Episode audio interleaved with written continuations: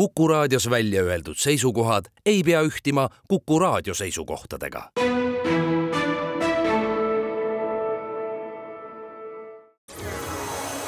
loodusajakiri, vaata ka looduseajakiri.ee.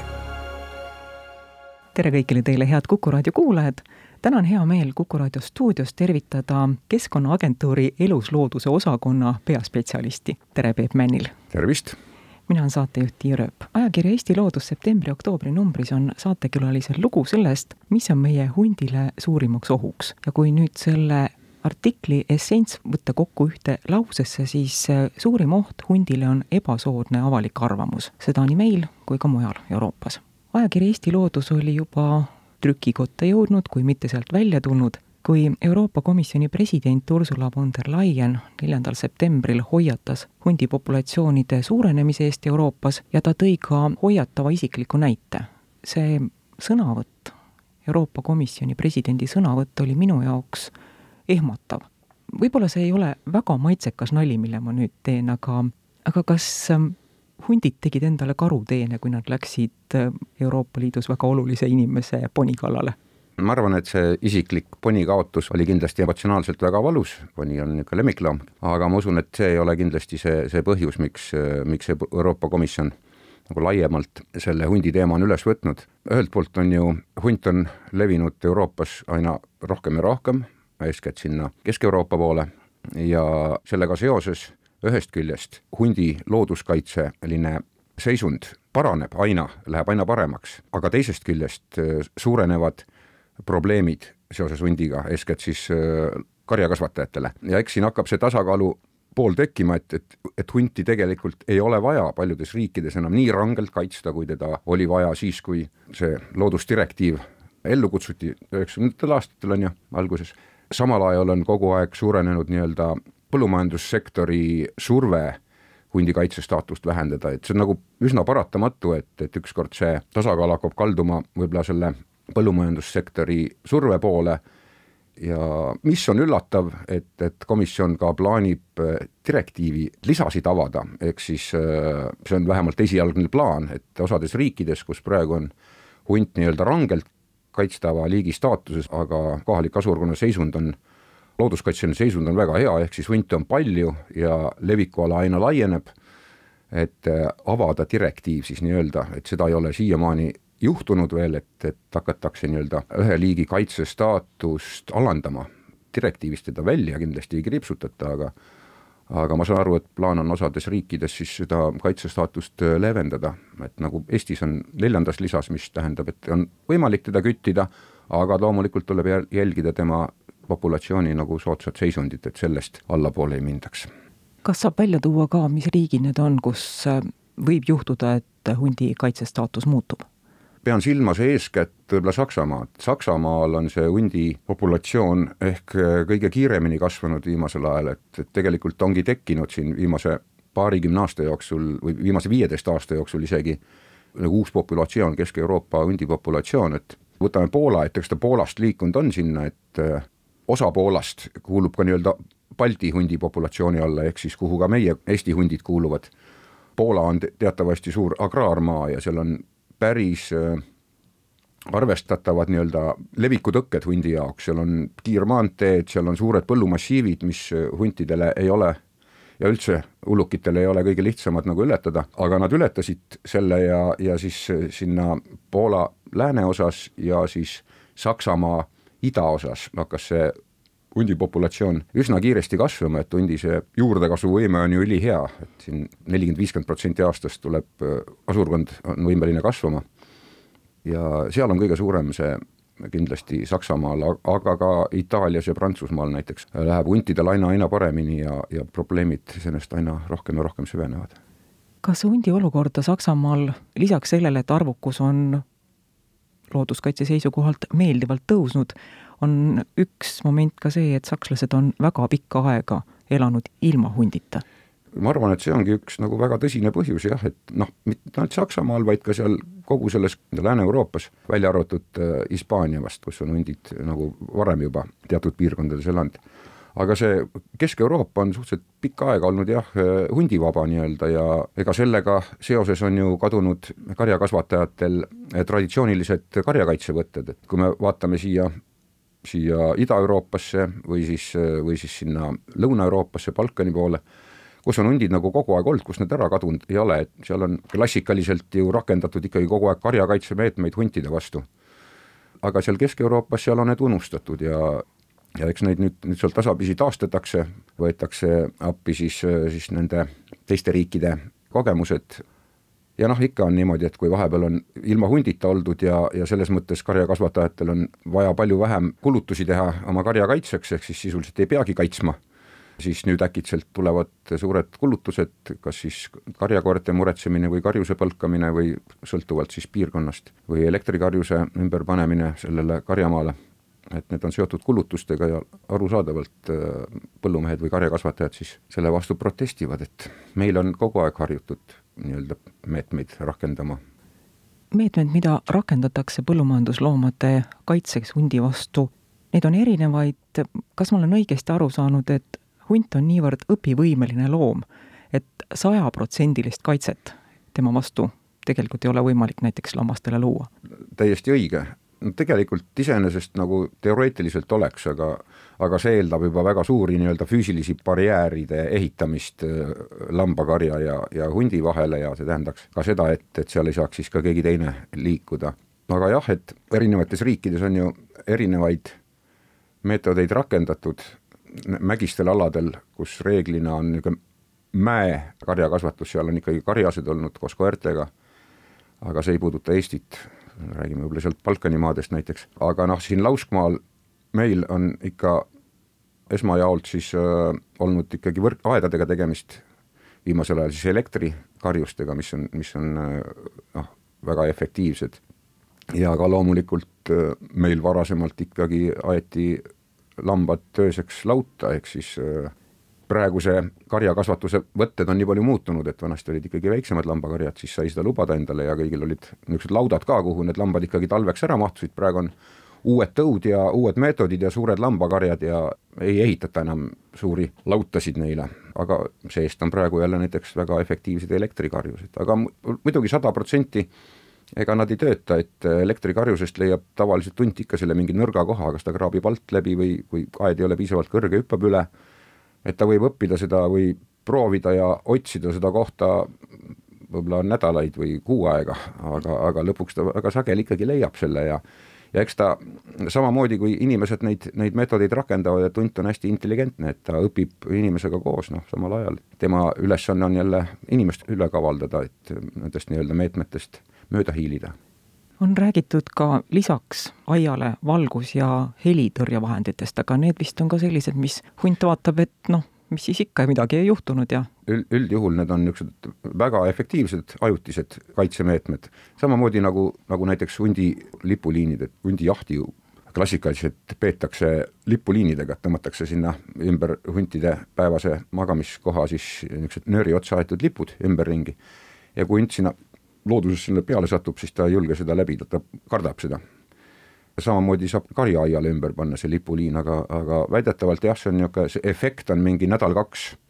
selle paari nädalaga ta saab aru, et, et see ei kujuta endast mingit ohtu. täpselt samamoodi heli ja valgus, et, et kui see raadio kogu aeg mängib seal, siis esimesel ööl ta ei tule ja nädala pärast võib-olla juba tuleb ja valgusefektid täpselt samamoodi. kui palju Eesti inimesed kardavad hunti? mulle tundub, et et äh, meie looduses herilased, puugid ja ka vabalt ringi liikuvad agressiivsed koerad on inimesele kordades ohtlikumad kui hundid. jaa, muidugi on, igal juhul, aga, aga noh, inimese psüühika on juba selline, et, et niisuguseid suuri metsloomi kardetakse, noh, mõned kardavad lihtsalt metsa, aga niisuguseid suuri metsloomi, eriti kui nad kiskjad loomad on, siis neid kardetakse jah, et ega karu peljatakse ju ka, noh, karu peljatakse isegi nagu põhjusega, et, et karu võib tõesti enesekaitseks või oma poegade kaitseks ka inimest rünnata füüsiliselt. hundi puhul ei ole seda nüüd juhtunud sada viiskümmend aastat Eestis. aga, aga see on psühholoogiline jah, et, et suuri kihvasid kardetakse rohkem kui väikest mesilase nõela, see on täiesti arusaadav ja, ja mis puutub äh, koertesse, et, et loomulikult koerad vigastavad tõenäoliselt igal aastal, ma ei tea, ma ütlen täiesti suvaliselt suurusjärgu, et, et kolmekohaline number on see hundid ei ole, nagu ma ütlesin, noh, terve hunt ei ole inimest hammustanud juba üle saja aasta, nii et väga suur vahe jah. psühholoogiliselt peljatakse ikkagi metslooma rohkem, sest metsloom on kiskja, hunt toitub, koer toitub ju nendest krõbinatest, aga, aga hunt toitub lihast selgelt, oma poolt murtud lihast ja, ja kiskjat kardetakse minu sisetunnetus ütleb, et eestlased on üsna hundisõbralikud, valdavalt hundisõbralikud, nimetaksin nii. Kuidas meie ümbrusmaades olukord on? Rootsi tundub olevat üsna hundivaenulik, Soomega vist on nii ja naa, kuidas lätlastega lood on? lätlastel on kindlasti hunte rohkem kui meil. Soomlastel on niimoodi, et, et see riik on jaotatud nagu kaheks, mis on seal põhjapõdra kasvatuspiirkonnas, et seal on täiesti nulltolerants, seal põhimõtteliselt hunte ühtegi ei ole, et kui, kui sinna mingi hunt tekib, siis ta ruttu kititakse ära, seal on ka nii-öelda sellest Euroopa direktiivist leevendus, et seal põhjapõdra kasvatuspiirkonnas on hunt viienda lisaliik, ehk siis võib küttida lõuna pool on, on ta neljanda lisaliik, päevapärast küttimist nagu teha ei tohi, aga seal on ikkagi asustustihedus jah, märksa hõredam kui Eestis. aga Lätis on need kindlasti rohkem, Lätis kütitakse aastas juba ligi kolmsada hunti aastas ja meie asurkond lubab küttida võib-olla keskeltläbi sada hunti aastas, nii et äh, Läti on natuke suurem, aga seal on kindlasti hunte rohkem, tihedamalt tähendab. milles see üks põhjus on, on kindlasti selles, et, et milline on saakloomade seisund. metskits on ju Eestis meil niisuguse piiri peal elav loom ja rasketel talvedel neid hukkub päris palju ja, ja siis metskitsa asustustihedus on madalam kui lõuna pool Lätis, Leedus ja mida lõuna poole, seda rohkem neid on. lisaks on seal punahirve palju, nii et seal on see biomass, mida hundil süüa on, on märgatavalt rohkem ja sellest sõltub üsna palju. nüüd Soomes näiteks on ka niimoodi, et, et Ida-Soomes ja Põhja-Soomes seal on seda hundile seda biomassi on suht vähe ja seal nad kipuvad rohkem murdma põhjas täitsa söövadki ega neil ei olegi seal palju muud võtta kui seda põhjavõtru, on ju. ka Ida-Soomes on, on sisuliselt neil kaks varianti, kas põder või siis jänes, et niisugust vahepealset saaklooma ei ole. aga kui me tuleme siia Lõuna-Soomesse, siin on juba sisse toodud võõrliik valgesaba pampahirm näiteks ja, ja metskitsi on siin päris korralikult juba tekkinud, nii et ja siin on hundi toidubaas päris hea ja sellega seoses on ka konflikte palju vähem, ehk siis kui Põhja-Soomes on nulltolerants, Ida-Soomes näiteks nad söövad, murravad päris palju jahikoeri, jahil olevaid jahikoeri, et seal hunt ei sallita üldse selle tõttu jahimeeste hulgas eeskätt. aga, aga siin Lõuna-Soomes siin ei ole neid probleemid nii suured, sellepärast et hundil on nagu looduslikke saakloomi piisavalt. ja sellest sõltub päris palju, et milline on see toidubaas, et sai hiljuti kaks aastat tagasi ühe uuringuga koos soomlastega tehtud ja kuidas hundid koeri murravad versus siis kui palju on see parasjagu äh, neil looduslik toidubaas ja, ja selgus, et need ongi omavahel seotud, et kui ikka looduslik toidubaas äh, kahaneb, ehk siis meie puhul on peamiselt metssiga ja metskits on põhilised saakliigid, kui neid on vähem, siis siis murtaksegi rohkem kodukoeri ja, ja, ja Soomes on samamoodi, kui kui põdra arvukus on madalam, siis äh, murtakse rohkem koeri, jahikoeri, nii et see on omavahel seotud, jah. kui vaadata ümbruskaudseid riike võib-olla eeskätt põhja poole, Soome, Rootsi, lõuna poole, seesama Saksamaa või, või ka, või ka Läti, Leedu, et seal see, see hundi sallivus on, on kindlasti palju madalam kui Eestis on. et me oleme suutnud noh, kas või see rahvuslooma ümarlaud, mis kaasab kõiki erinevaid nagu huvirühmasid, kes on hundiga seotud. et, et see on üsna ainulaadne, et, et niimoodi ühise laua taga oldakse ja ei kakelda, et ma olen käinud Soomes näiteks jahimeestele rääkimas, kuidas, kuidas Eestis hunte majandatakse või hoitakse ja kütitakse ja ja kogu saal tõusis püsti ja plaksutas, kui nägid, ma näitasin ühte pilti, kus hunt oli kütt maha lastud, on ju. tõusid püsti ja plaksutasid, et Eestis niisugust, niisugust nagu reaktsiooni kuskil ei ole, et et nii rõõmustatakse ühe surnud hundi peale, et et Soomes näiteks on, jah jah, hundivastased aktsioonid on näiteks karjakasvatajate poolt, seda tahetakse laiendada kogu Euroopa peale, et, sel aastal oli juba vist Lätis ka mingid hundivastased lõkked südatakse.